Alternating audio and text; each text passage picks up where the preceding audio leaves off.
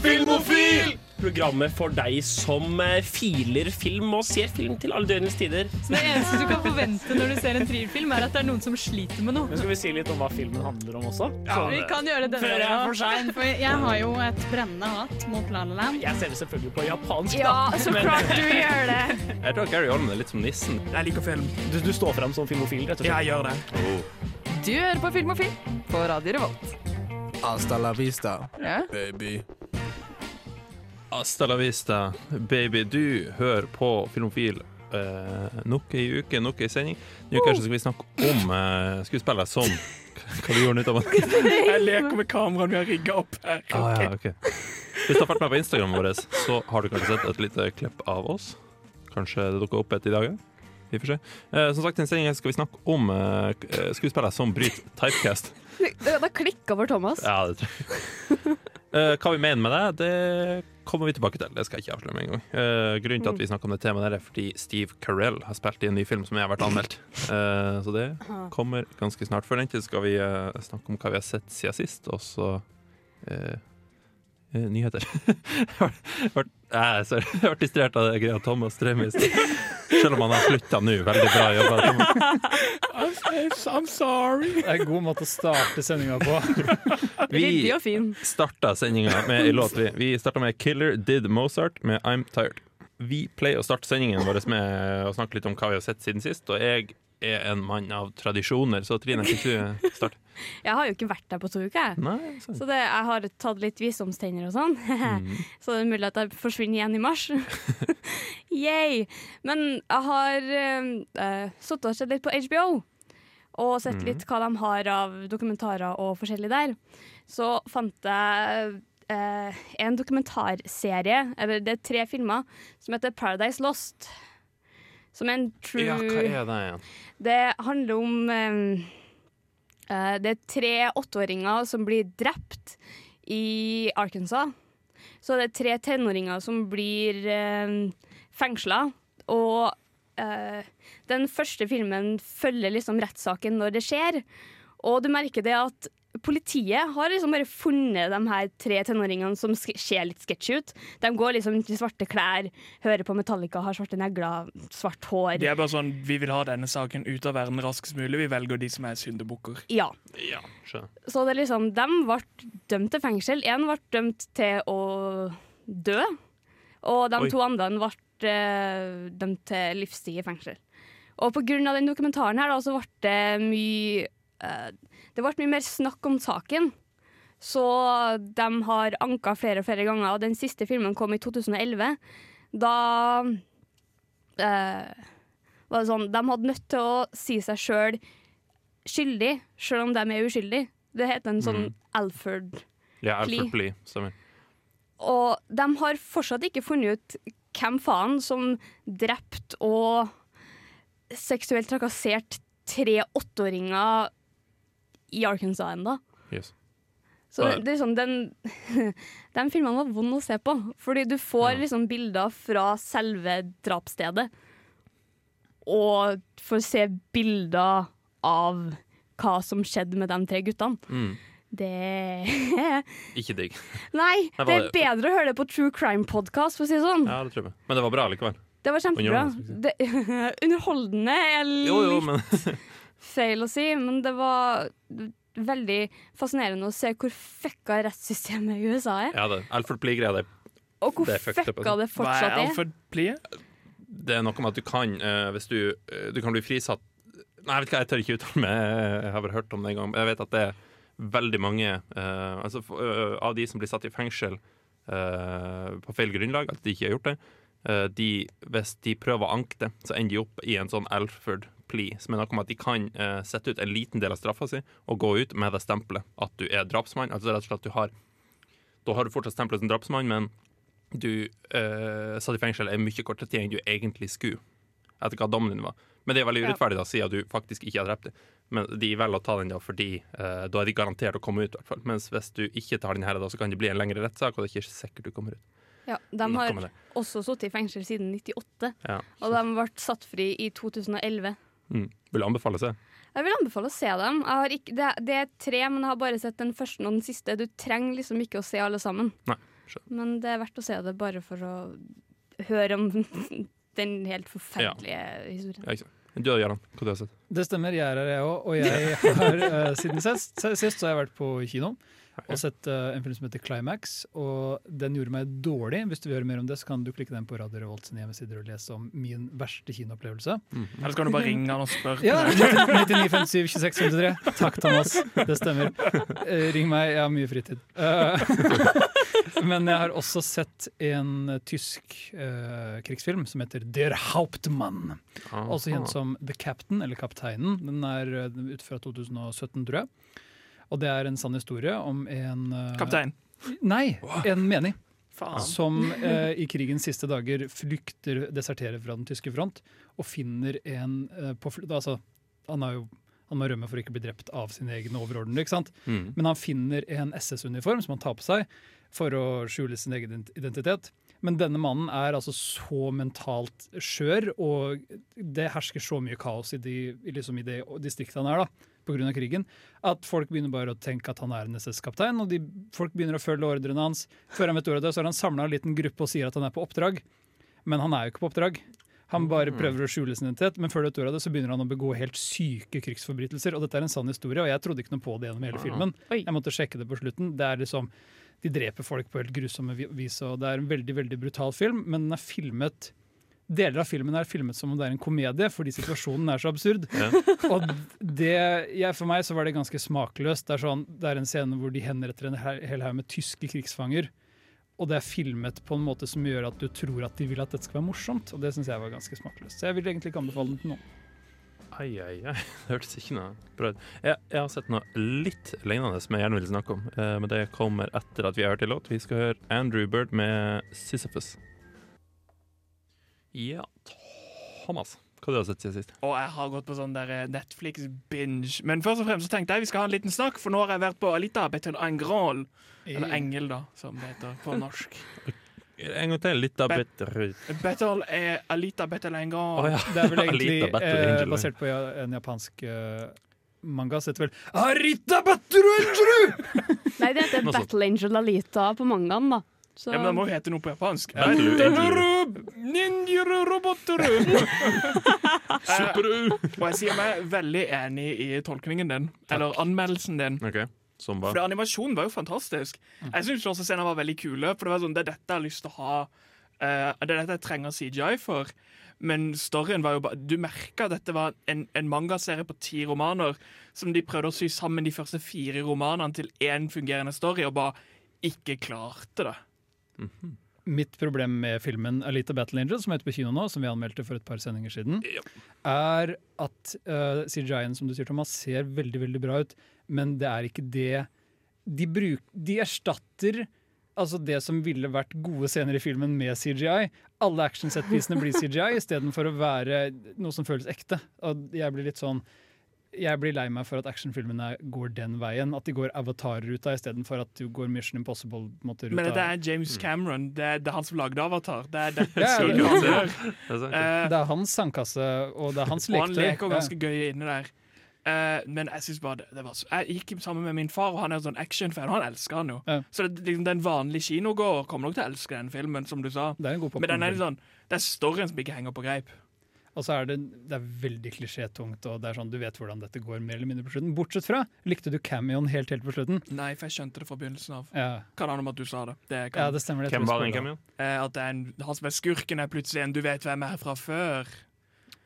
OK, det en Men det som, det som skjer er at han som på en måte er den store store skurken, masterminden bak det Ja. hele, han er ikke i den endelige konfrontasjonen av filmen. Han ser du helt på slutten av filmen. Han tar av seg et par solbriller, og så er det Har jeg lov å spoile?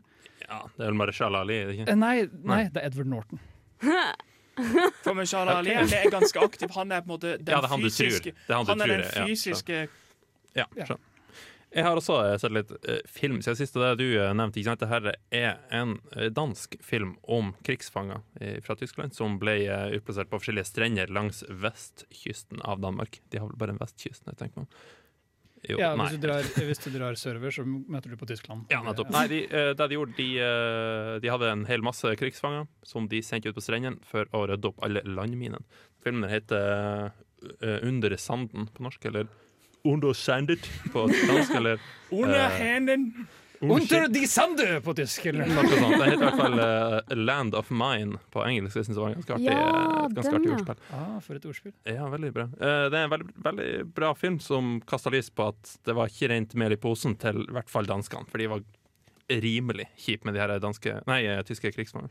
Det var ikke så mange voksne eh, soldater igjen på slutten av krigen, fra Tysklands side i hvert fall. Så alle de folkene som blir sendt til Danmark for å redde opp miner, er unger. Det er sånn 14 år og opp, liksom. Uh, og de får minimal trening, og så blir de sendt ut. Og vær så god, rød mine. Hvis du fucker opp, så dør du. Og over halvparten ble enten uh, lemlesta eller drept på denne jobben. da de gjør. Den her var vel nominert til uh, beste fremmedspråklige film under en av Oscarene, Ja, tror jeg. 2014 den kom ut, eller noe sånt. Ja, noe sånt. Noe. Men dette er framstilt som en ren drama, i motsetning til den jeg så, som til tider prøver å være en komedie. Ja, eller den var- en farse, på en måte. Den var ikke særlig artig, og ikke særlig Nei. farse. Nei, det, var, det var absolutt en eh, ren drama. Det Og det handler jo litt om hvordan du velger å håndtere sånne temaer. Mm. Ja. For at det er jo mange sånn som En film som jeg syns var veldig morsom, eh, er jo uh, Pain and Gain. Men de, og den er veldig okay. morsom når du ser den. Synes jeg da, Det er det er jo ment å være en komedie, Mm. men de folkene som har gått igjennom det, har jo kritisert den ganske kraftig. For det er liksom horrible scener, eh, men de er framstilt som en komedie. Men en person som går gjennom det, har jo virkelig hata det.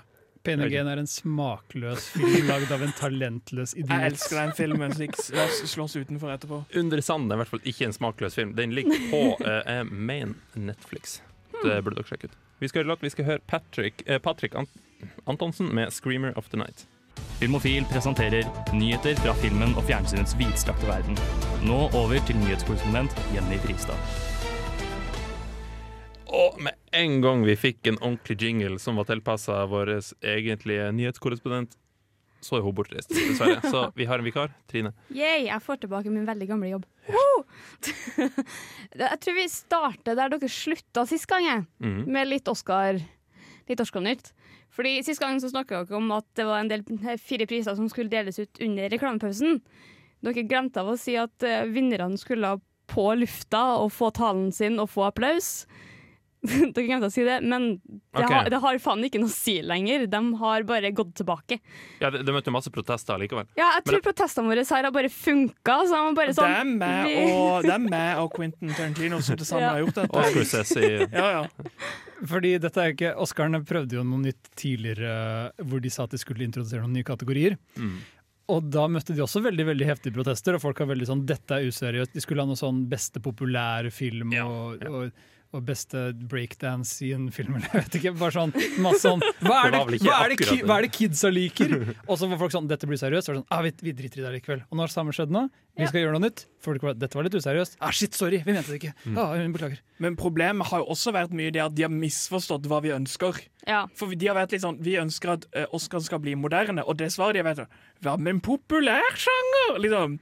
De virker som sånn 80-åringer som prøver å være hippe. Vi nominerte Black det. Panther, OK? Ja, det var litt sånn, Når du lager en sjanger som heter populærfilmer, så går ting galt. Det var vel altså eh, Er det sånn at eh, hele seremonien av utdelinga, bortsett ifra at de går opp på scenen og takker, ikke sant? Det var det som skulle skje under, uh, under reklamepausen? ja. Jeg Altså at de går det- opp og introduserer det, Ja. og spiller av klipp og viser bilder av de som er motiv eller, eh, herregud, nominert. Som Ja, i salen altså. tror det, etter det jeg har lest, så sånn jeg forsto det. i alle fall. Ja, ok. Så. Jeg skulle ønske de gjorde sånn som de gjorde under The Grammys, der de deler ut sånn 20 awards, men bare sånn tre av de er på TV-en. Og resten er bare one earlier today. Bare, Men hvem faen har sett hele sendinga? Ingen har blitt delt ut! Jeg skulle ønske de la ned hele Oscarene. Derfor introduserer jeg min nye hashtag, hashtag cancel Oscars. Uh, og det kan vi godt få trende med en gang. OK. Cancel Oscars. Ja, men Da starter jeg en motprotest som er not cancel, cancel Not cancel, cancel. Ja. Jeg har en liten kort ting om Hugh Jackman Uh for så vidt, og Patrick Stewart. Hugh Jackman er jo en liten korting. Han er veldig lav. Fordi Ja, de har nå fått uh, en Guinness World Record for uh, mest Skal vi se, hva var det for noe? Han, han har fått det for han har spilt Wolverine og Professor X i 16 år. Altså, og, og hatt en rolle i en superheltfilm lengst. Det er Ja. er. Ja. Men de begge to har fått, uh, fått prisen? Det skjønte jeg ikke helt. Jeg tror de deler den. Ok, så, huh. Men det må jo De starta vel ikke samme dag? det må jo være De starta i samme film. De starta begge to i X-Men. Ja, der begge to dukker opp, så var det X-Men 2. der begge to Ah. Eh, tingen er det at eh, Wolverine har tre spin-off-filmer, hvis du tenker Logan som spin-off-film. Men Professor X dukker opp i alle. Men det jeg sier meg uenig i, er at i X-Men First Class så dukker faktisk Wolverine opp uten at, Charles, uh, uten at Patrick Stewart gjør det. Så jeg syns egentlig skulle bare Hugh Jackman hatt denne. For de to sekundene han er og sier fuck off. Ja, Og det er, vel, er det, det er vel en CGI Patrick Stewart i en av, en, en av filmene, hvor han bare er en sånn CGI-cameo. Jeg prøver å huske hvem av de, hvor han dukker opp, og Det er helt sånn grusomt CGI, akkurat som de gjorde i de nye Star Wars-filmene Ja. for Leia, og sånn, hvor det bare er sånn stygg CGI-maske på en skuespiller. Men det er jo fortsatt de, og akkurat det der med hva tid er egentlig en skuespiller på skjermen, er noe Oscar Akademiet trenger noen år på å finne ut, tror jeg. At grunnen til at han, han spiller Gollum, Andy Serkis. Andy Serkis, at han ikke har vunnet er snålt, egentlig. Men Men bryr vi oss egentlig om det? ja, ja Andy Serkis fortjener er Nei, jeg mener at å, Hugh Jackman har vært Wolverine i 16 år. Bryr vi oss? Ja. Okay. nei. Nå skal vi høre Gus Dapperton med My Favorite Fish. Hei, mitt navn er Atle Antonsen. Du lytter til Filmofil på radio Revolt, og det gjør du helt til programmet er ferdig. Ja, jeg har, jeg har litt mer. Har litt mer ting. Um, det skal komme en Hulk Hogan biopic. Ja, det har jeg hørt. De har funnet hvem som skal spille Hulk Hogan. Hulk Hogan selv. Nei, Chris Hemsworth skal spille Hulk Hogan. Ja. Jeg bare forestiller han med den månen og den barten. Vent, vent, Chris og Liam Hemsworth. Hvem er hvem igjen? Chris er eh, Thor fra ja. Avengers. OK, og Liam er Gift med Miley Cyrus. Er han det? Jeg Ja. tror det han var for det en stund siden. Ja, det hørtes veldig kjent ut. det er vel det. OK. Jeg vet egentlig ikke hva Han er kjent, men han er måte Han er mer kjent som broren til Nei, Hunger Games. Han Ja, er spiller. Gale i Hunger Games. Stemmer. Det der er noe. Jeg liker ikke Hunger Games. Den minneverdige karakteren fra den utrolig minneverdige filmen Hunger Games. 1, 2, Men det ga oss Jennifer Lawrence. Nei, men altså, Det der med Hulk Hogan Jeg vet ikke sånn kjempemye om han, men uh, det jeg kan huske og ha hørt om han, er at han faktisk har en ganske interessant historie. At livet hans er ganske innholdsrikt, og at han er en veldig veldig fin fyr. Jeg, jeg, skulle, jeg skulle til å si hva er det å fokusere på i livet til Hulk Hogan? Er det noen som vet det? Jeg, har jo- jeg skjønner at det blir morsomt å se Chris Hemsworth med bart og si sånn You know, brother! Let's go!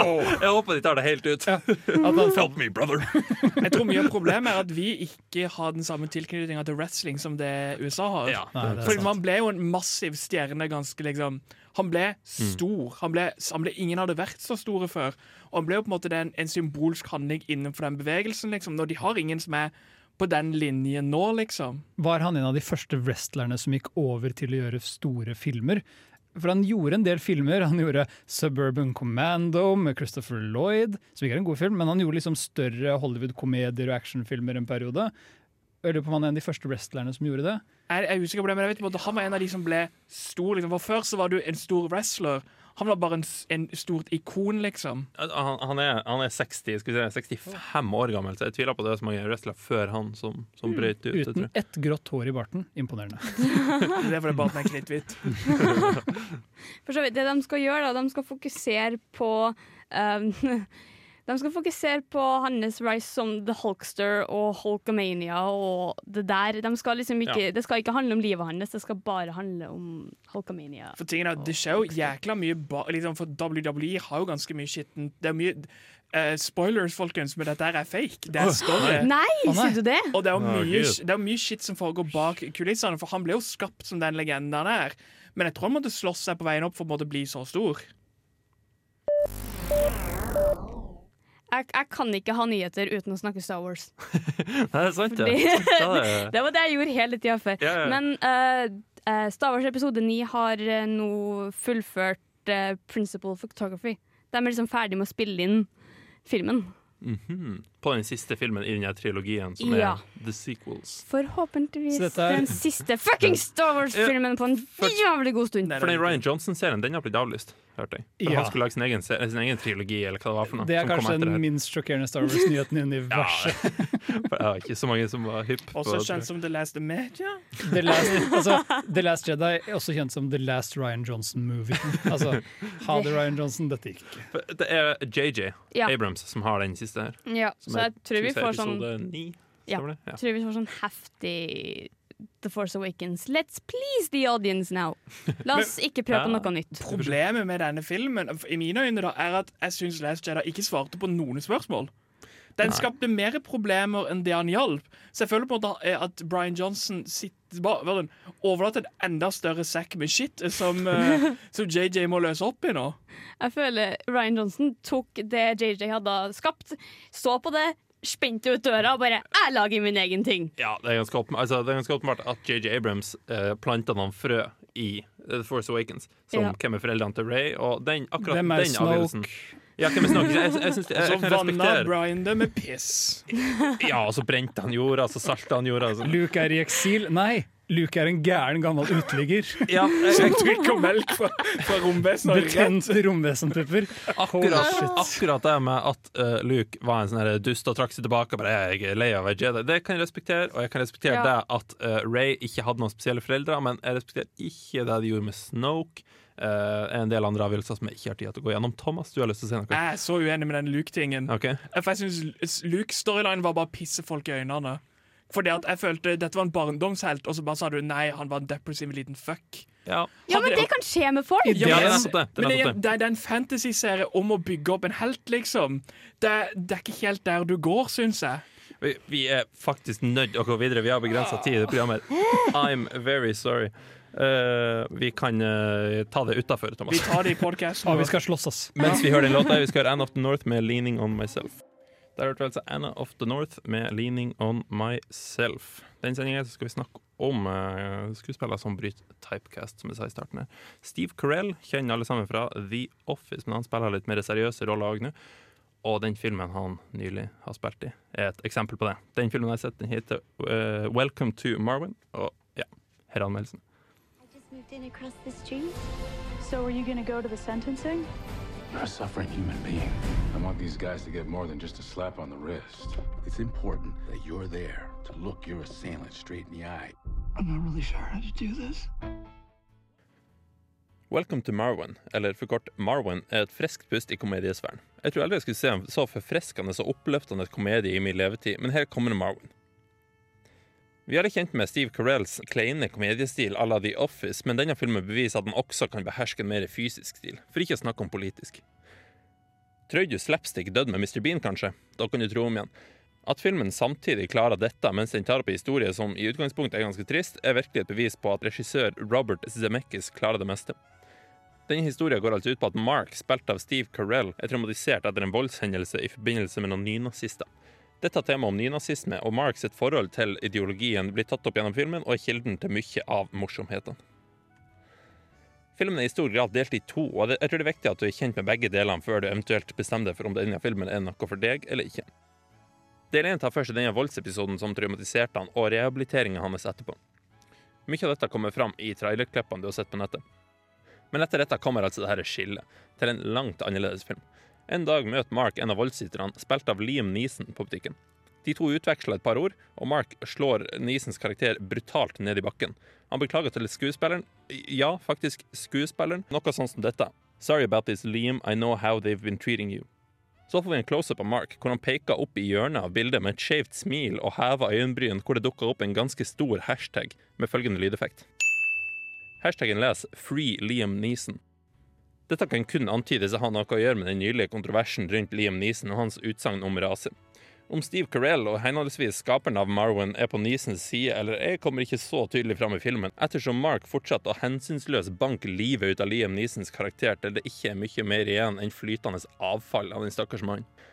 Men de politiske, kontroversielle utsagnene slutter ikke her, og hashtaggen står oppe i hjørnet i resten av filmen. Etter dette tar filmen helt av. Med blod på tann fortsetter Mark å ta brutal hevn på de som gjorde han ondt, til tross for sympatien han føler for deres ideologi. When are you gonna man up and put an end to this crap? What are you talking about? We're one and the same, pal. If I can be a hero, so can you. Denne konflikten Mark føler, blanda med slapstick, er bare herlig. Som om tatt rett ut av The Mask eller Deadpool, bare at one-linerne ofte har å gjøre med rase og andre politiske betente tema. Filmen har en 20 minutters sekvens med diverse taler fra sentrale personer på venstresida av amerikansk politikk, hvor de f.eks. har redigert Steve Carell som går opp på scenen og kaster pai i ansiktet på Hillary Clinton. I annen sånn scene trekker han fram ei diger treslegge à la Looney Tunes og slår ansiktet til Barack Obama flat som ei pannekake.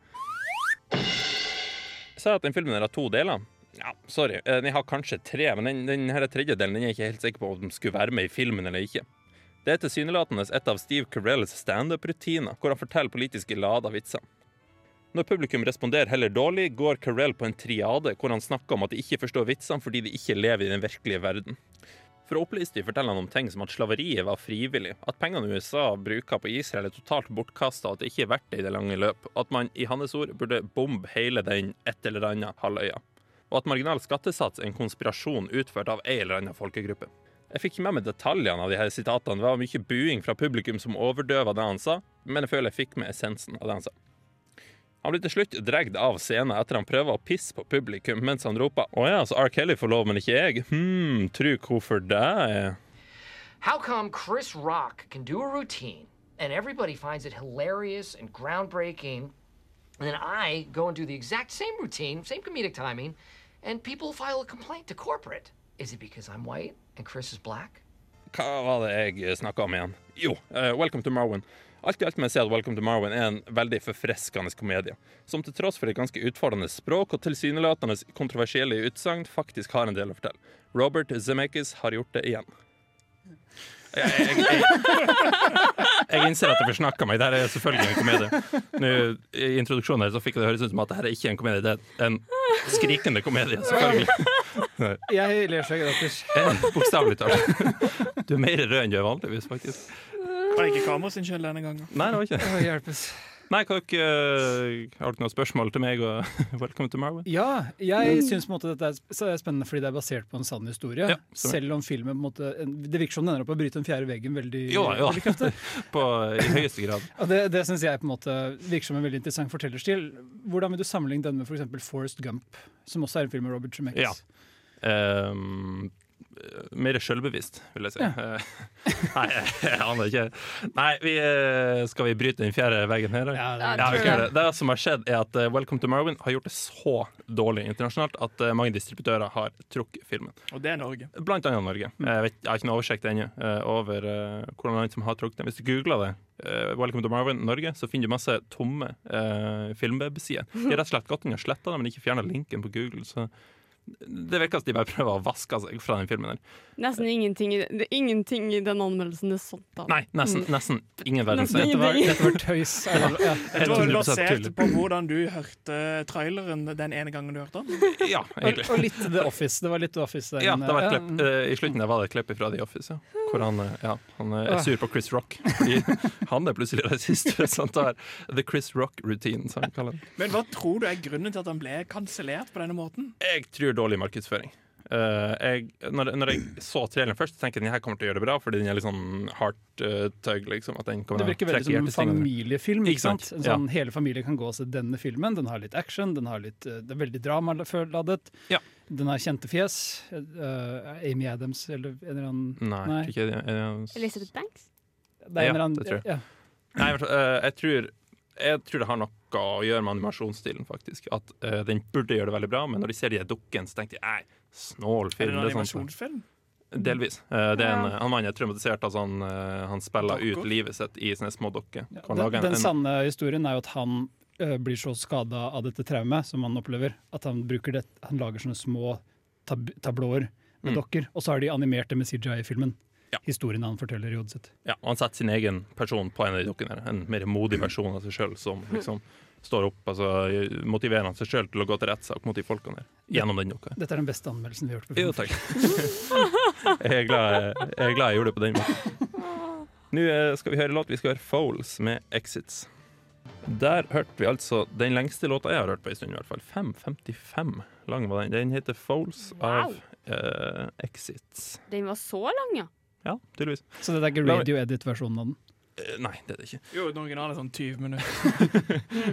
La, eh, jeg vil bare presisere fra det forrige vi snakka om før denne låta her, det er at den filmen her, eh, 'Welcome to Marwin', kommer ikke i Norge. Det er ingen av oss som har sett den. Den Nei. anmeldelsen jeg spilte inn, var bare kødd. Jeg har ingenting imot Steve Carell. Jeg liker han veldig godt. ja. Men vi skal snakke mer om Steve Carell. Eller jeg vil anta vi kommer inn på han. Fordi vi skal snakke om skuespillere som uh, bryter typecast. Så Thomas, skal ikke du introdusere dette temaet Ja. for oss? Eh, For vi tenkte jo, hva, Når vi skal snakke om dette, så er det lurt å bestemme oss hva er typecasting. Mm. Så jeg la hodet mitt i bløt og prøvde å komme fram til en løsning. Mhm. Det var veldig koselig. Lå nede i et sånt hotellbad, i sånn isbad, og bare prøvde å finne ut av det. Det er derfor du har så mye kud nå. Ja, eh, Jeg lå litt under litt for lenge. Og det jeg kom fram til, liksom, det er nesten var sånn deprived of oxygen, eh, er den skuespiller som er primært kjent for én rolle, eller én type rolle, altså komedie. Mhm. Som går over til å gjøre andre filmsjangre, si drama, og som har holdt på så lenge at når du ser han i en dramafilm, så går du ikke ah, Hva gjør den personen egentlig i en dramafilm? Mm. Litt sånn som at hvis plutselig mm, Nå kommer jeg fullstendig tom for navn.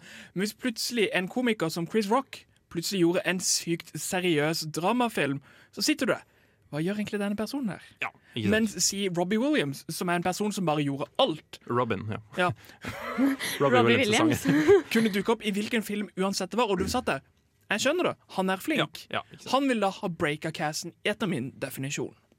Han ville ha gjort det, altså. Robbie, Robin Ja. Williams. Ja, fordi Robin Williams var først og fremst en komiker. Ja. Og så plutselig Mm. var han i Good Morning Vietnam, uh, som er en veldig veldig følelsesladet, tung måte, film. Ja. Så min definisjon er at du må, du, må, du må ha gjort flere filmer. Du må komme til det punktet der folk er, ba- de bare godtar det. Ja, at de, at de kjenner deg igjen som la oss si, en dramaskuespiller. Og så Ja. kan du se tilbake i filmhistorikken at oi, faen, han starta ut i romcoms, for eksempel. Ja, ja. Så har du folk som bare ikke bryter. Eller da. Hver gang du ser Morgan Freeman for eksempel, i en film, Mm. så har han gjerne en litt sånn autoritær rolle. Og liksom folk bare OK, jeg hører på deg. Du, du høres vis ut. Han Ja. gjør liksom ikke mye annet, for. Morgan Freeman har nesten bare eldes inn i sin rolle. For han spiller bare sånne gamle, vise, litt sånn som du sier, autoritære mannen med alle svarene. Gud, for Ja. eksempel. Og Da det er må han sånn- ikke farge håret, han har bare gjort det. Det er veldig greit. Nei, så liksom tanken vår er da Det er en skuespiller Vi sier ikke at de er dårlige bare for å holde seg til en cast, Nei, nei. eh, men de må ha bytta for å få lov å falle utenfor denne kategorien. Og hvis ikke du klarer det, så faller du utenfor. Da, du kan ha prøvd, du kan ha lagd mange dramafilmer, men vi som publikum må sitte igjen med en følelse at dette er en person er villig til å gjøre denne rollen, uten at vi rynker på nesen for at vår definisjon skal holde. Mm. Og hvis at du minimum har gjort to filmer innenfor den andre sjangeren, Ja, det vil jeg si er rettferdig, for hvis ikke så blir det bare en sånn one-off. Et tilfeldig bare, Det bare funka én gang, kanskje. Ja, du vet ikke om det har noe å si. Og det skal vi snakke om senere òg, faktisk. Det skal vi. Nei, men, øh, la oss ta for oss Jeg, jeg, jeg er bitte litt uenig med definisjonen din. Fordi jeg tenker at det, det må ikke være sånn alle sammen er enige om at Nei, det der er en dramaskuespiller, og så blir alle sammen sjokkert over at Hæ, har han vært komiker? Sånn Steve Carell, for eksempel. Han vil si et ganske godt eksempel på eh, brudd på type, typecast. Eh, han starta jo i ting som The Office. Jeg vil si Egentlig bare The Office. Er der han er virkelig kjent. Anchorman, var det ikke det han begynte? Ja, han var der først, ja. Det Han var men Anchorman. Jeg tror han begynte på det som veldig mange amerikanske komikere begynte på, Saturday Night Live. Nå bare tipper jeg, men jeg er ganske sikker på at de fleste som var i Anchorman, var fra Saturday Night Live. Dette det komi-sketsjeshowet på amerikansk TV. Mm. Ja. Så det er jo veldig mange komikere som måtte er oppfostra der. Ja, det kan godt være. Nei, så jeg vil eh, justere bitte litt på definisjonen. Ok, Hva vil du definere? Eller hva vil du forandre? Folk som hmm. Godt spørsmål. jeg tenker- det er veldig vanskelig å lande på en veldig spesifikk For jeg tenker, du, må ikke, du må ikke ha gjort to filmer etter hverandre. Jeg tror ikke det er sånn at Du må, du gjorde komedie, nå må gjøre du det bare drama. Du kan få lov å bytte, men jeg syns Mm. at du må være Når navnet dukker opp, så må du ikke rynke på nesa. Ja, Du må, du må sitte Ja, ja, igjen med en ja, ja, følelse om ja, at. Å ja, eh, sånn som hvis Robbie Williams dukker opp, så sitter du igjen der. Han kan gjøre det. Eller sånn som eh, Steve Carell nå, at om han dukker opp i en drama, så rynker ikke jeg på nesa. Men han, jeg rynker heller ikke på nesen om han kommer opp i en komedie. Jeg blir glad når han dukker opp i komedie, for han er flink. Ja, det er sant. Og i drama. Ja. Og, og komedie er på en måte den enkleste sjangeren å vise der, for det er veldig lett å, å- Nå er ikke han som var morsom, morsom lenger, men en eh, annen måte, eller et eksempel jeg har lyst til å ta frem, er litt sånn Tenk på når Charlize Theron var uh, monster, Alice uh, Wunderous. Altså det å være, gå fra å være den pene, sexy skuespilleren til å måtte deglamorisere deg for en rolle, og så plutselig viser du at du kan gjøre det. Er det lov å ta med i denne definisjonen, kanskje? Så lenge du har gjort mer enn én film. Så Derfor vil for eksempel type han som spilte The Joker, falle utenfor. Ja, mens uh, Charlize Theron var jo også i Tully, hvor hun gjorde det samme på nytt. Måtte gjorde seg selv litt sånn feit og slasket. Og Ja, Heath Ledger, som spilte The Joker, hadde jo også Brokeback Mountain. Mm. Han hadde absolutt ramfilmer. Så han går for så vidt under breaking typecast. Selv om han døva rett etterpå, da. Men før Brokeback Mountain så var han bare en pretty boy. Ja, ja. Ja, ja, Pretty boy. Ten things I hate about you, Good. liksom. Nei, men Kan vi være enige om den, eh, den jingle du eh, kom, eh, kom til ved et kompromiss? Jeg sier meg enig om det. Ja, ok. Er. Thomas er enig, da er resten enig. Da kan vi endelig gå hjem, liksom. Bye, bye! Nå skal vi høre låt. Vi skal høre Das Body med 'Taller Than The Average Man'.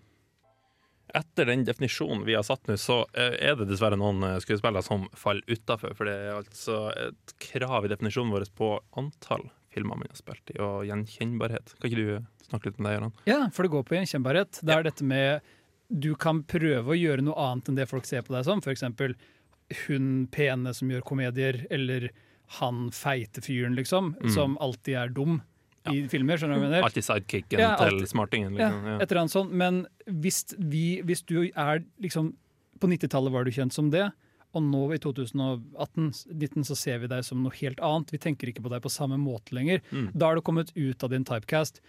Det er mange skuespillere der ute som har prøvd å gjøre roller som er annerledes enn det vi kjenner de som.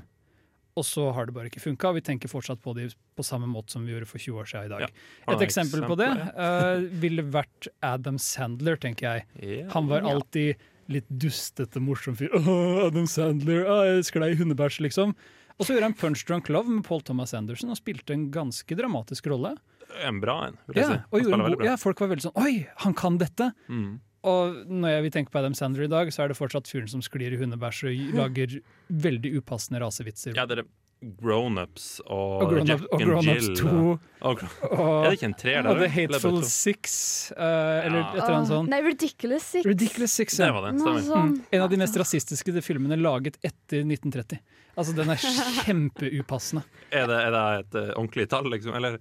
Jeg bare, nei, men Det er sånn. Nei, okay. På 1930-tallet så var det hvite menn som spilte kinesere, og her er det sånn, det er en hvit mann som spiller en meksikaner. Han bare Hei, Essie! What's up, gringo? Ah, ja, det er, men, du, og det er utrolig passende. Det er samme greia i Jack and Jill òg. Det er også veldig rasistisk mot meksikanere. Det er en- gartner der som gjør narr av hele tida. Det er fryktelig upassende, spør du meg. Og jeg tenker En annen gruppe hvis man skal liksom snakke om grupper som blir trykka ned, da, eller ikke trykket ned, er folk som kommer fra TV-serier. Mm. TV-serieskuespillere har ofte sykt vanskelig fra å forlate filmen sin og gå over til storskjermen eller gå over i en annen sjanger. Så du tenker på eh, Joey fra Friends eller Mark eh, Hva er det han heter? Mark Zuckerberg. Nei, Nei. hva heter han fra Ah, Mark Hamill. Nei, Nei, nei, han som spiller i Friends! Han spiller i Friends. Ja, Matt- Joey. Matt LeBlanc. Matt LeBlanc, ja. Men han har klart det litt. Han Nei, for- har liksom Han har kommet ikke klart seg det det hele tatt. Ja, men han har faktisk prøvd å gjort noe annet, da. Han, han har prøvd, men han har ikke klart det. For Hans store comeback var jo i episodes der han spiller personen som spilte Joey som Joey. Ja, ja. Hans sin mest Ja. ikoniske, eller hans største rolle etter Friends var å spille en som ligna på han, en han spilte i Friends. Ellers er han bare seg sjøl i Top Gear. ja. og, eh, Ja, men er det ikke, er det ikke, top, er det ikke Friends-referanser i Top Gear hele tida? Jeg vet ikke, jeg ser ikke på driten. Altså med, med Matt LeBlanc som vert? Tror du ikke han er sånn sett. Oh, ja, Hey, ja, how you doing? Ja. På annenhver episode av Top Gear. Jeg tror han er litt lei av det. Spør du meg, jeg tror han styrer. How you Men kan jeg si, hun, eh, flere i Friends, altså hun Jennifer Aniston òg, hun føler jeg spiller i mye rart, men veldig, veldig like greier. Om de, det hun spiller i nå, har veldig likt Friends, det skal jeg ikke uttale meg om, hun- men jeg det syns hun hun har spilt spiller samme rolle hele tida. Det har alltid vært en sånn pen eh, dame som er litt eh, off med samfunnet, og så lærer hun underveis å forstå samfunnet. Ja, livet hennes er litt rotete, liksom. Men det er det Ja, store, det er spør det, er det Det er store spørsmålet her, av og til når det gjelder sånn typecasting. Er det det at de alltid blir gitt disse rollene, eller er det bare det at det er alt de kan? Altså, Jennifer Aniston kan bare være Jennifer Jennifer Aniston. Hun har Cake, da. Så hun prøvde Ja, men Cake er en rolle der hun spiller oh, ja, jeg trodde det var kroppen hennes. Skal vi bare body har- shame Jennifer Aniston? Hun har en film som heter Cake, der hun går veldig bort ifra den stereotypiske Jennifer Aniston-rollen sin. Da. Så hun er en skuespiller som, som prøvde, men feila. Ok, for Å ha cake er et veldig spesifikt begrep. Det å være formfull og ha stor rumpe, liksom.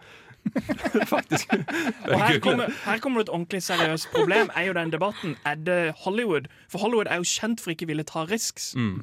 Sånn, eh, hvis du skal snakke om noen fra Friends som har forandra seg, så vil jeg faktisk si at det er hun som spiller Phoebe i, eh, i, Ja. i, i, i, i, i Lisa VIP som hun gjør. Og det tok jo sånn 20 år Ja, hun er med i før, før hun fikk lov å gjøre noe annet som var en annen rolle enn den hun allerede har gjort. Mm. Men i VIP har hun på en måte slått seg ut som en ny karakter. Men det tok jo 20 år og på en måte at hun måtte bli irrelevant før hun fikk Mm. lov å prøve seg noe nytt i Hollywood-sammenheng. Hun har en uh, karakter i Bojack Horseman òg, og det var noe du, du innså i slutten av sesongen. Liksom, det er noe kjent med den stemmen. Så søkte hun opp, og å faen, det er Lisa Kudrow. Men det skal jeg ikke snakke så mye om, fordi det er et tema vi kommer nærmere inn på senere. Jeg vil nevne David Schwimmer òg. Nå ble det veldig mye Friends. Men han Friends spiller sammen! Ross. Ja, Nei, men han spiller Ross. Uh, han også, vil jeg si, når du ser han, så tenker du «Å, det er Ross fra Friends. Problem. Fordi, men, men han er jævlig god. Ja, Sånn men som Band of Brothers. Og OJ. OJ Ja, ja, ja, ja. Simpson-serien. Uh, American Crime OJ Simpson. American, Hor- Ja. eh, American Crime Story, ja. Første sesong. Kjempebra i begge to. Han spiller veldig veldig godt. Ja. Og der har du mye av problemet eh, i disse her. er For at jeg føler Ofte så blir du typecasta til en rolle ikke fordi du bare er flink til det, men du har gjort det så lenge. Det er det med Friends, De holdt på i tiår, liksom, Ja. du vokste opp med det. Og det er en annen person som jeg vet at det er uenighet i rommet, men jeg syns Daniel Radcliffe, aka Harry Potter, er alltid Harry Potter for meg. For jeg vokste opp med han. Når jeg ser trynet hans, så tenker jeg eh, Harry Potter. Og det er noe han selv sier at han sliter med den dag i dag. Ja, jeg er ikke enig med deg der. Jeg mener at han har klart å gå veldig veldig bort fra Harry Potter-karakteren. Men et av problemene med Harry Potter-karakteren på film er at hvis du skal si hva spiller Daniel Radcliffe i Harry Potter, beskriv Harry Potter-karakteren. Han ligner på seg selv, og det er problemet. Ja, men Han er typecasta som trynet sitt. Henning, beskriv Harry Potter uten å bruke liksom sånne adje... Altså, uten å si utseende. Hva yrkene skal Ja, utseende. Jeg ikke det. si at han er en trollmann med et arr i panna, liksom. Hva, Jeg elsker den leken her. Uh, nei, altså, da må du si han er tapper og tar i utfordring på strak arm, men trenger hjelp fra vennene sine. Noe sånt, liksom. Ja, for en utrolig spennende karakter. Nettopp. Det er jo drittkjedelig. men eh, den leken er veldig artig. Hvis dere har sett eh, Red Leather Media sin video på YouTube, de tar den på Star Wars eh, Ja. prequels. Det Veldig artig, fordi det er umulig. Karakterene suger. Men igjen, det er det at jeg føler han er For ofte så er liksom typecastinga di bare at du ser ut som deg selv. Og det har vært et stort Ja. problem for mange folk, er det at de blir typecasta bare fordi de ligner på seg selv. Henning, nei, eh, Thomas, det du prater om nå er jo typecasting. Du typecaster Daniel Radcliffe i ditt hode. Akkurat, og det er det som er mye av problemet. Det er der de har problemer med å unnslippe. Vi Deg, typecaster oss ja, sjøl. De har unnslippet hodet mitt. Vi er dessverre nødt til å sette strek for den samtalen der, men jeg følte vi, eh, vi lærte noe. Ja, Friends er det alt har. Matthew Perry er bare Matthew Perry. Det, det var den eneste vi ikke pratet Nå om. skal vi høre låt. Vi skal Ja. Stenersen med 'Engleøyne'. I slutten av forrige sending så ga vi dere ei såkalt hjemmelekse, noe vi ofte gjør, og det var filmen The Truman Show. Eller The Truman Show? Det er. Truman Show. Det står i Truman The Truman Show. Ja, ok. Ja, Das Truman Show. kan ikke du uh, fortelle oss litt om den filmen? her? Eh, The Truman Show er jo en av de filmene der Jim Carrey gikk fra komedie til drama. Mm. Selv om han er ganske komedisk i The Truman Show også. Men The Truman Show handler om eh, Truman. Han eh, lever i eh, et reality-TV-show uten å vite det sjøl. Han Mm. har vært i det siden han var baby. Og vi liksom bare følger Truman på hans daglige Ja. t- ting, og ting, ting begynner å skje.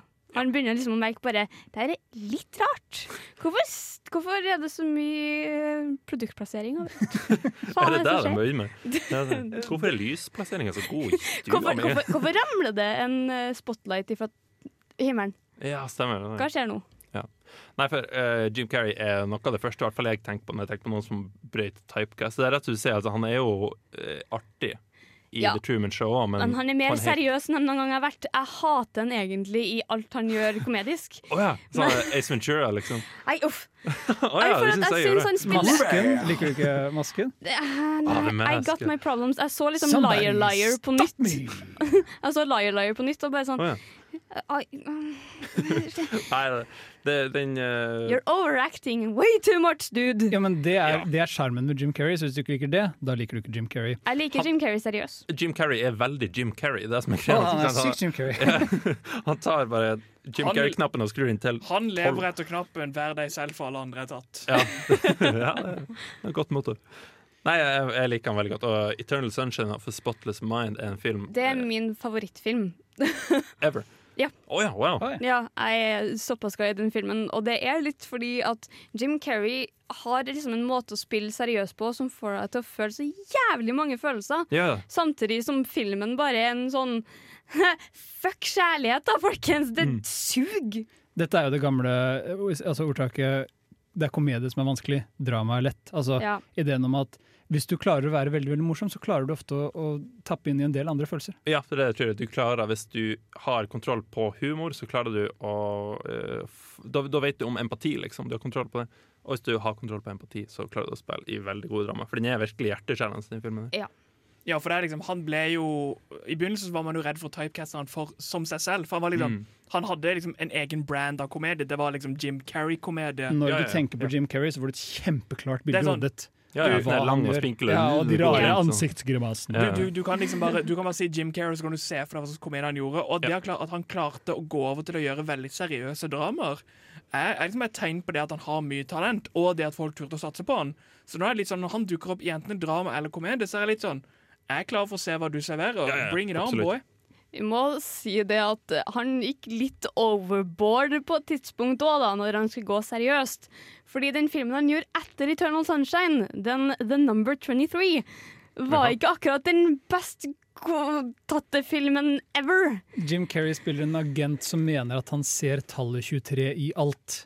Er det ikke det? At tallet 23 på en måte begynner å styre livet hans. Ja, han mener at alt han gjør, ender i tallet 23. Og så Jeg, eier faen i om jeg spoiler den filmen, for den er så dårlig. Han, han finner okay. liksom ut Han finner en bok på en boksjappe eller bibliotek, eller noe sånt.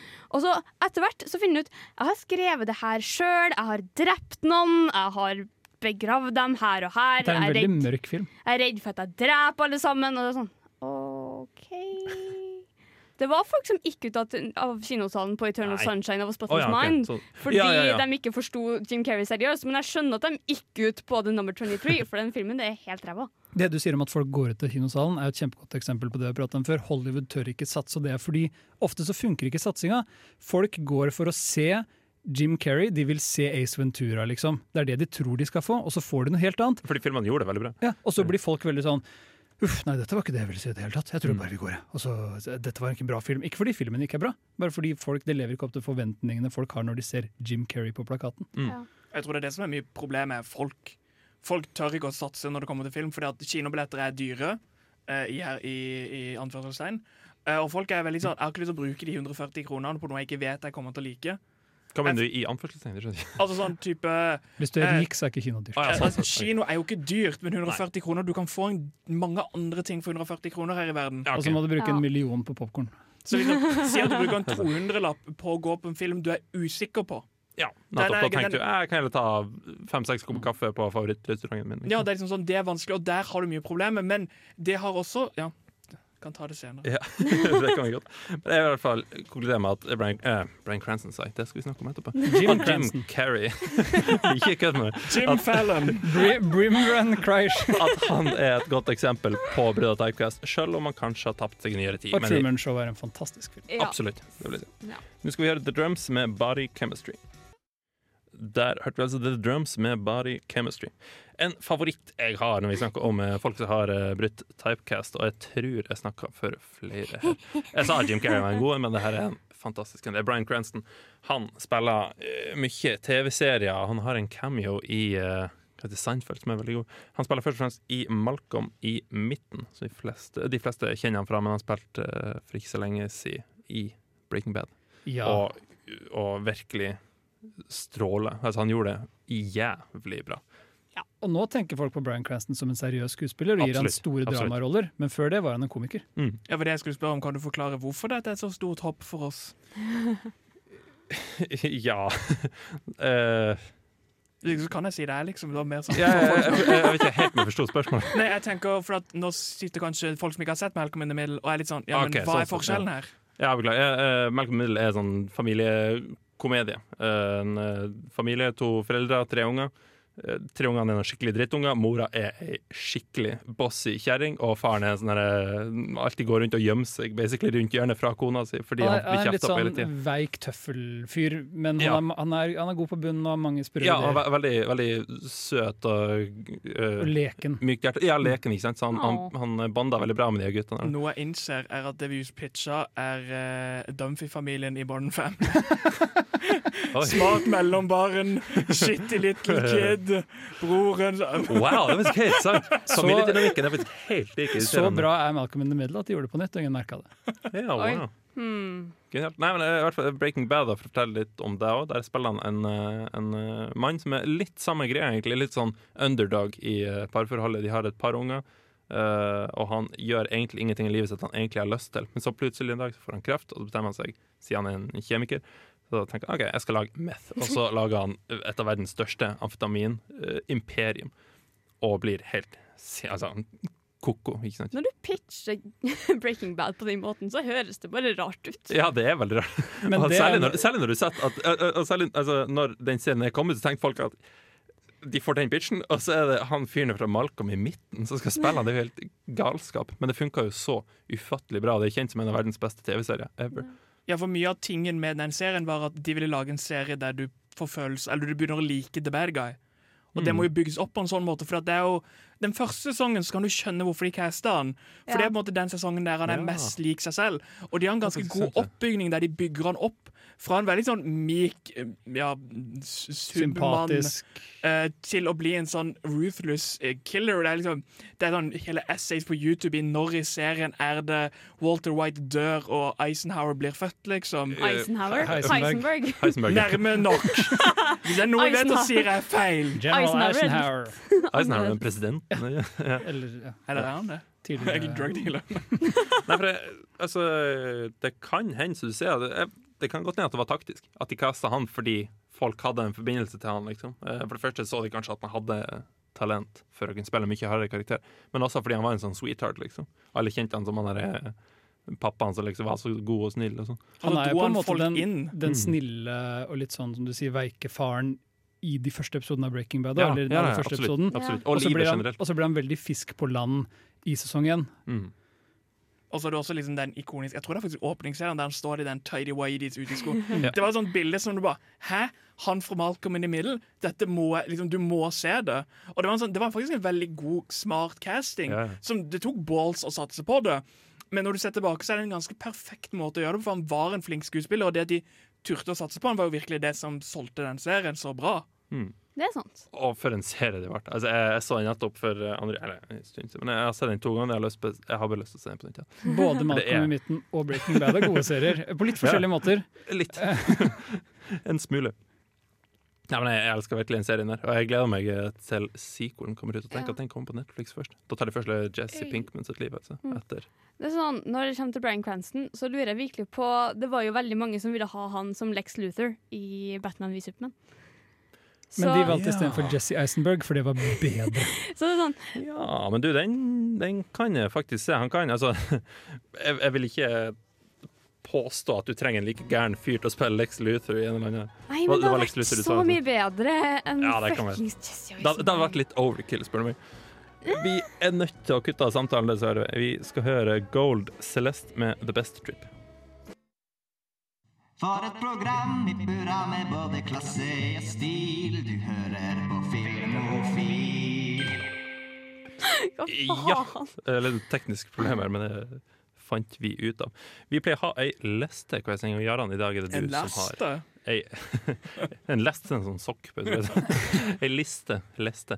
Det er ikke et debut på liste fra meg, og det er litt trist, for dette er ikke min sterkeste liste, tror jeg. Okay. Jeg tror det blir bedre med tida. Men temaet er typecasting, okay. så jeg har tenkt å spørre dere hva dere helst vil bli typecasta som, og da, må dere, da, er, da er dette livet deres. Altså, Mhm. Så jeg har skrevet ned tre alternativer. Uh, en av de har vi, eller Tre alternativer vi ikke har pratet så mye om, vi har pratet veldig mye om komedie.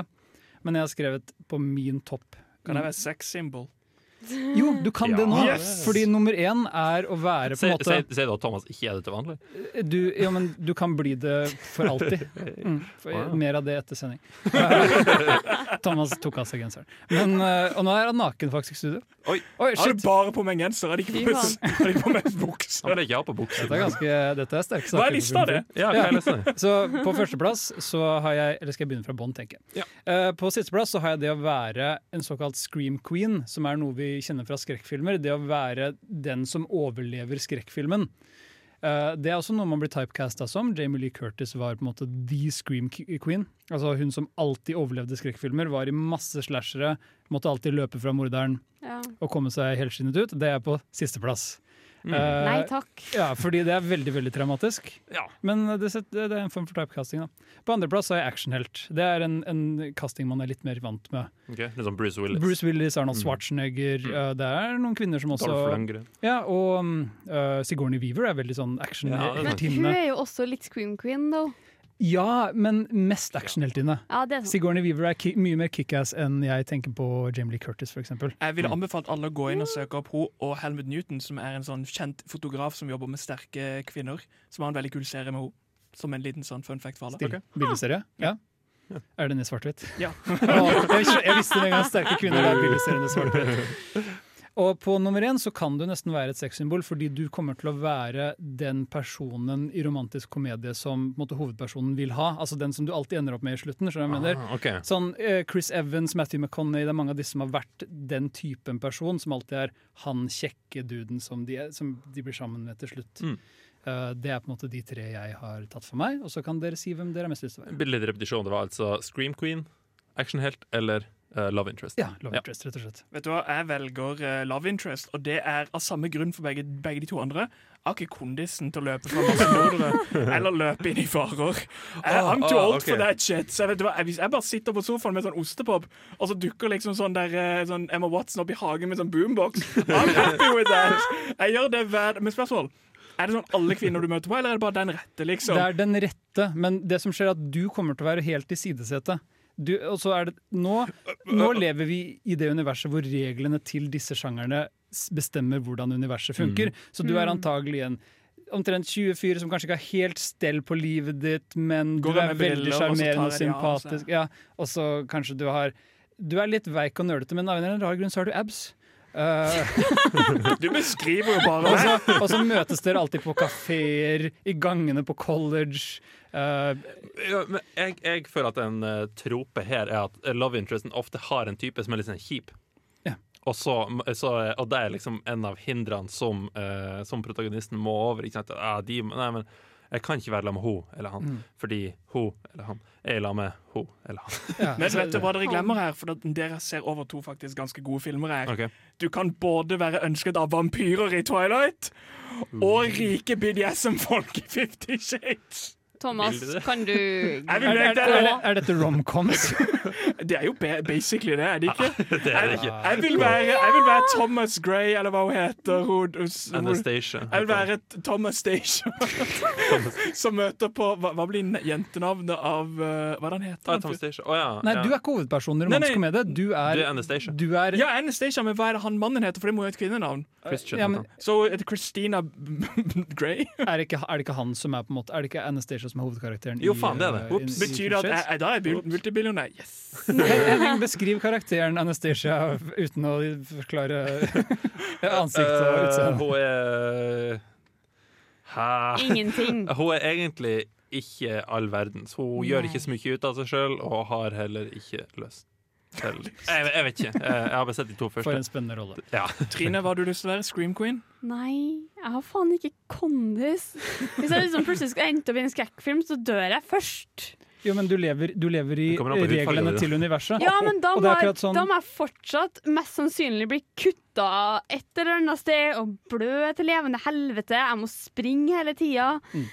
Kanskje jeg får kondis? At du gjør dette bare for å få trening? ja, fordi du får en montasje i starten av filmen. Aha. Vet du hva, jeg velger det.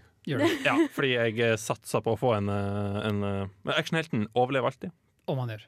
Om han gjør. Og, og jeg tipper jeg får en montasje i starten, og da ja. har jeg historie å fortelle. Jeg får ta jenterollen, da. Jeg får være screen queen, da. Ja, ok.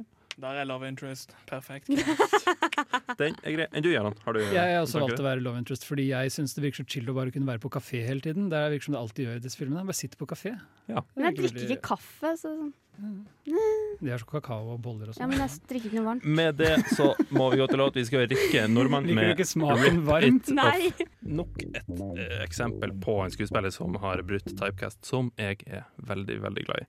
Trine, kan ikke du fortelle oss om Matthew McConaughey? Ja, jeg ble bare litt forvirra av musikken som gikk i bakgrunnen når du prata. Det var litt høyt. Nei, uh, Matthew McConaughey starta jo i romantiske komedier. Han var jo i de fleste av dem. Det, mm. liksom En av dem jeg har sett mest ever, er How to lose a guy in ten days. med han og Kate Hudson. Ja. Han, han spiller ikke noe bra. Og så har du liksom Ghost of Girlfriend Past og alt det der. Er det, er det en film? Ja, okay. det er det. Det er, en, det er nesten Scrooge, men bare med ja. Matthew McConaughey som Ja, okay. går fram og tilbake i tid og møter tidligere ekser. Så i stedet for A Christmas Carol, okay. så er det liksom en ex-girlfriend Carol. A Bitch Oh yeah! Ja, helt, det var helt forferdelig. Så, of Christmas Past. så endelig så tar han seg til vettet, og så spiller han i filmer som Killer Joe og Mud. Mm. Og Dallas Buyers Club, Interstellar. Men bare i, det er i Killer Joe og Mud McCanna Sans starter. Det var vel egentlig med Lincoln Lawyer, hvis det skal være helt rettferdig. Ja, det er Ja. sant. Ja. Det var ikke så verst. Så jeg for lenge lenge. lenge. Contact er også et eksempel på en sånn film hvor han hvor, altså, For det første, la meg si at Contact og Interstellar er ganske like filmer, bare i litt forskjellige tidsperioder. Det er mange som Nei, er på er den. Jeg liker den veldig godt. Men Matthew McConaughey har en ganske dust rolle der. Han spiller bare en sånn predikant som er liksom Nei, han spiller en eh, kjempegod rolle i Contact, og det er Robert Zemeckis, forresten, bare så det er sagt. Ja, det er det. Sant. Jeg er kjempeglad i Contact, så nå, skal, nå blir jeg litt lei meg når dere hater på den. For jeg, han spiller en prest som er åpen for andre muligheter, basically. Han bringer inn et Ja. religiøst perspektiv, han er utrolig sympatisk, han er smart, han er sjarmerende, han, er han spiller en litt annerledes prest, og det liker jeg veldig godt i den filmen. Du liker ikke de vanlige prestene i film? Eh, For eksempel i Spotlight så liker jeg presten veldig, veldig godt. Uh, Spotlight. okay. Nei, du vet hva den filmen handler om? Nei, det vet er jeg katolske prester som mishandler barn. Ok. Hva, hva sa du? Du likte de veldig godt? Ja, de, jeg, jeg liker de og Matthew McConaughey, det er de to prestene jeg liker. Ok. For Lincoln Lawyer var den første sånn seriøse filmen han gjorde. Mm. Ikke, ikke noensinne. Han, han var jo litt sånn i Slacker, eller var han i, Day, i Dazed and Confused? Var han, det er der han sier den berømte All right, all right, all right. nei, nei, nei, nei. All right, all right, all right. Den første uh, linja han noen gang sa på film. Oh, var det det? Har han sagt i det intervjuet en eller annen gang. hvert fall, Ah. som jeg har hørt. Det var, han- altså, det var, han var en sånn sjåfør i bakgrunnen av en eller annen film, hvor de sa 'kjør dit', han bare all right, all right, all right. Noe sånt. Jeg husker jeg så Lincoln Lawyer. Det er en veldig sterk film. Mm. Det er liksom Mm. i sørstatene en far som er anklagd eller siktet for å ja, drepe eh, noen menn.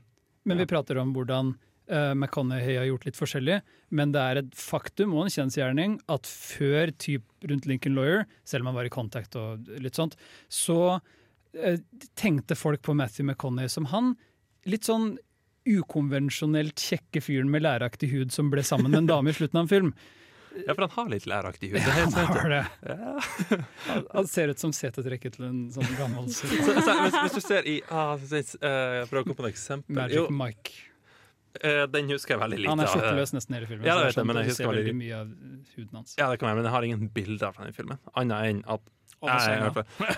Eh, I Interstellar, når, den scenen når de våkner opp av sånn cryosleep, eller hva det heter, han ser i videoen av dattera som vokser opp Nei, den, ja. Nei, nei, nei hvor, han, eh, hvor han er vokst opp Nei, hvor ungen har vokst opp, han ser en sånn uh, highlight reel egentlig av oppveksten til ungen, og så begynner han å skrike. Og det er et eller annet med huden hans. Jeg tror han blir litt rød av at han skriker. Og at huden hans blir bare ekstra lærete. Nå sånn,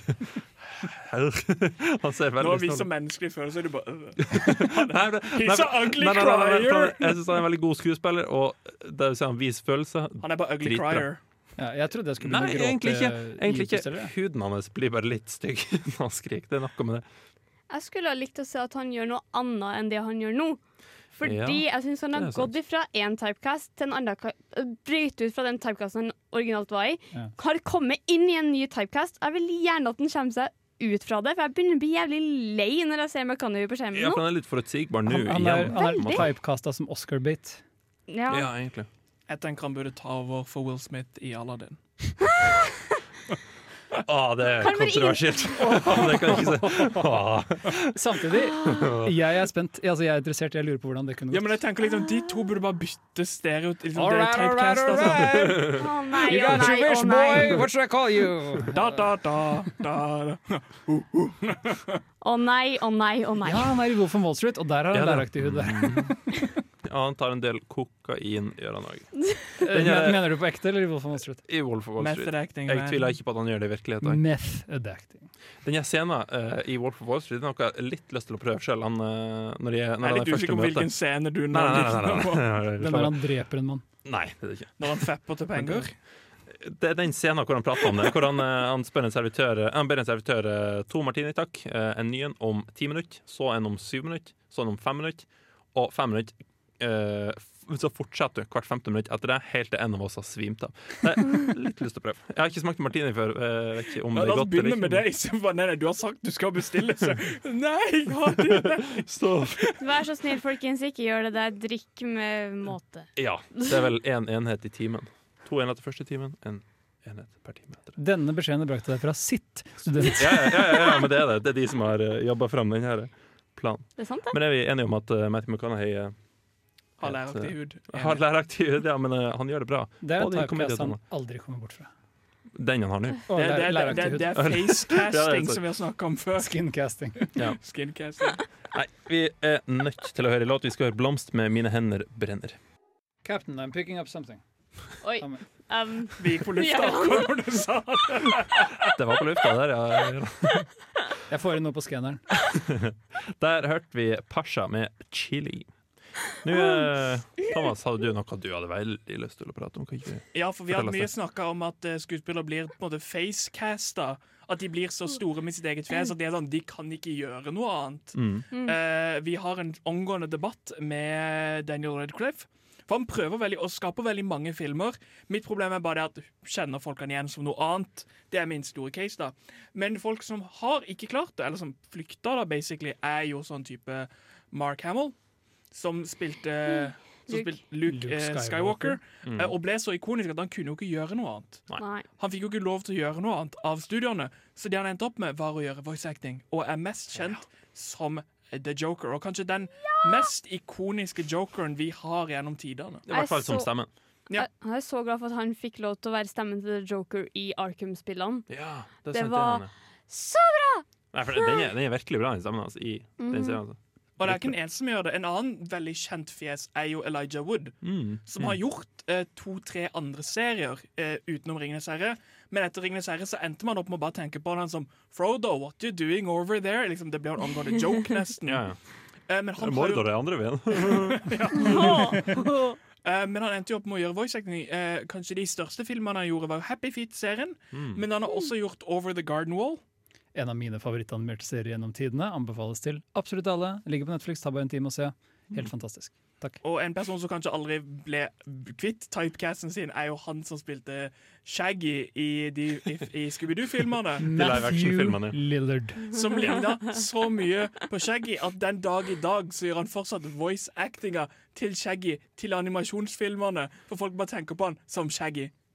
Etter de live action Scooby-Doo-filmene som kom tidlig på 2000-tallet, så, som du sier, han har, hvis du går inn på IMDb-siden til Matthew Lillard, så ser du mange prosjekter. Scooby-Doo, Scooby-Doo, Scooby-Doo, Scooby-Doo, Scooby et eller annet. Scooby-Doo, Scooby-Doo, Scooby-Doo, Scooby Twin Peaks, Scooby-Doo, Scooby-Doo, Scooby-Doo. Ja, ja, sant. Han var i Twin Peaks sesong tre. Eh, veldig artig, eller veldig rar ting han gjorde der. Han, han gråter nesten hele tiden på skjermen. Oh, ja. Ja, for det, det er den der uh, The Revival, eller hva det er. Altså, Ja, The, The. Return. The Return. stemmer.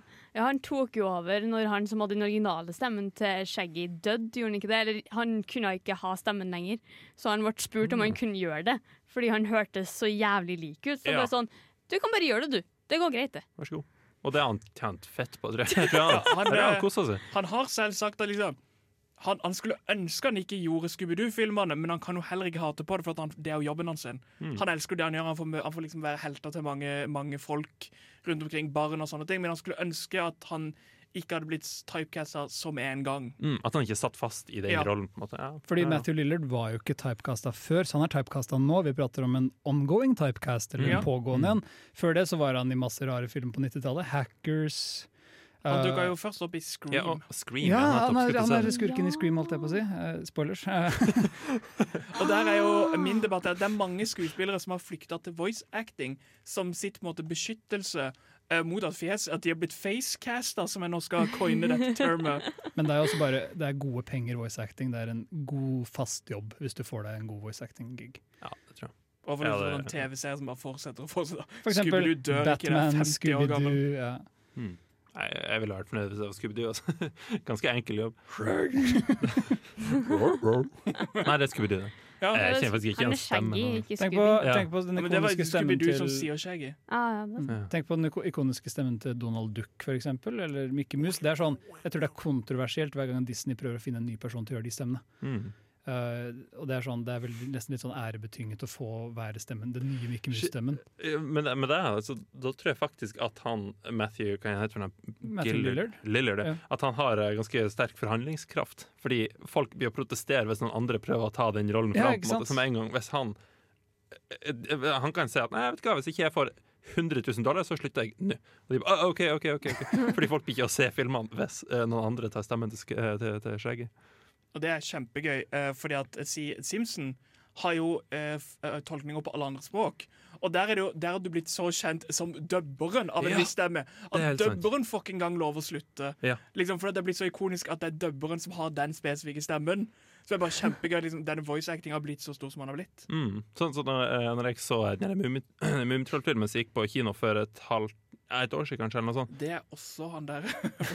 Nei, eh, nei, men eh, der, der, var det, der hadde de fått folk som enten eh, hadde de her stemmene fra en serie fra 90-tallet opprinnelig, eller folk som ligna veldig. For de var veldig overbevisende som Tenk 'Løvenes konge' uten Åsleik Engmark nå. Ikke sant? Det blir trist! Da blir jeg lei meg. Ja. Ja, men han er jo død. Ja, men det, jeg blir lei meg.